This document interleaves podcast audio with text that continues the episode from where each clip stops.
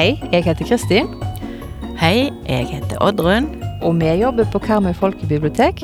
Velkommen til Bokfriminuttet.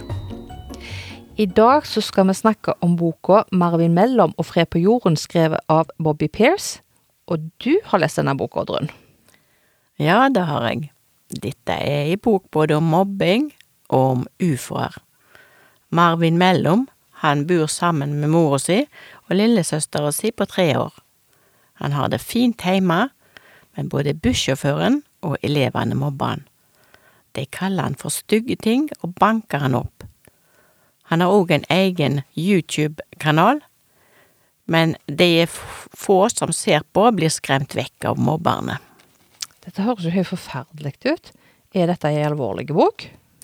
Nei, den er faktisk ganske morsomme, sjøl om det er fæle ting Marvin opplever. Men en dag skjer det noe dramatisk. Et merkelig metallegg detter ned ifra himmelen og havner i hagen, og ut kommer det en gutt som ligner veldig på Marvin. Er det en ufo, dette, da? Ja, vi kan vel kalle det det.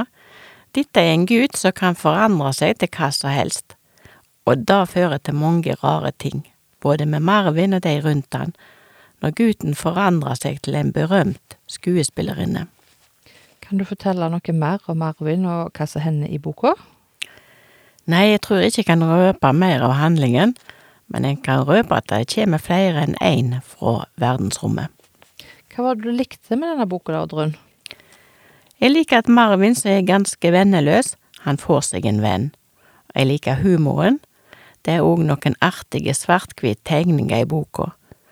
Det hender mange sprø ting i boka, men det handler først og fremst om Marvin, og at livet hans blir bedre å leve. Hvis du som hører på vil lese den morsomme boka 'Marvin Mellom og fred på jorda', så kan du låne den på Karmøy folkebibliotek.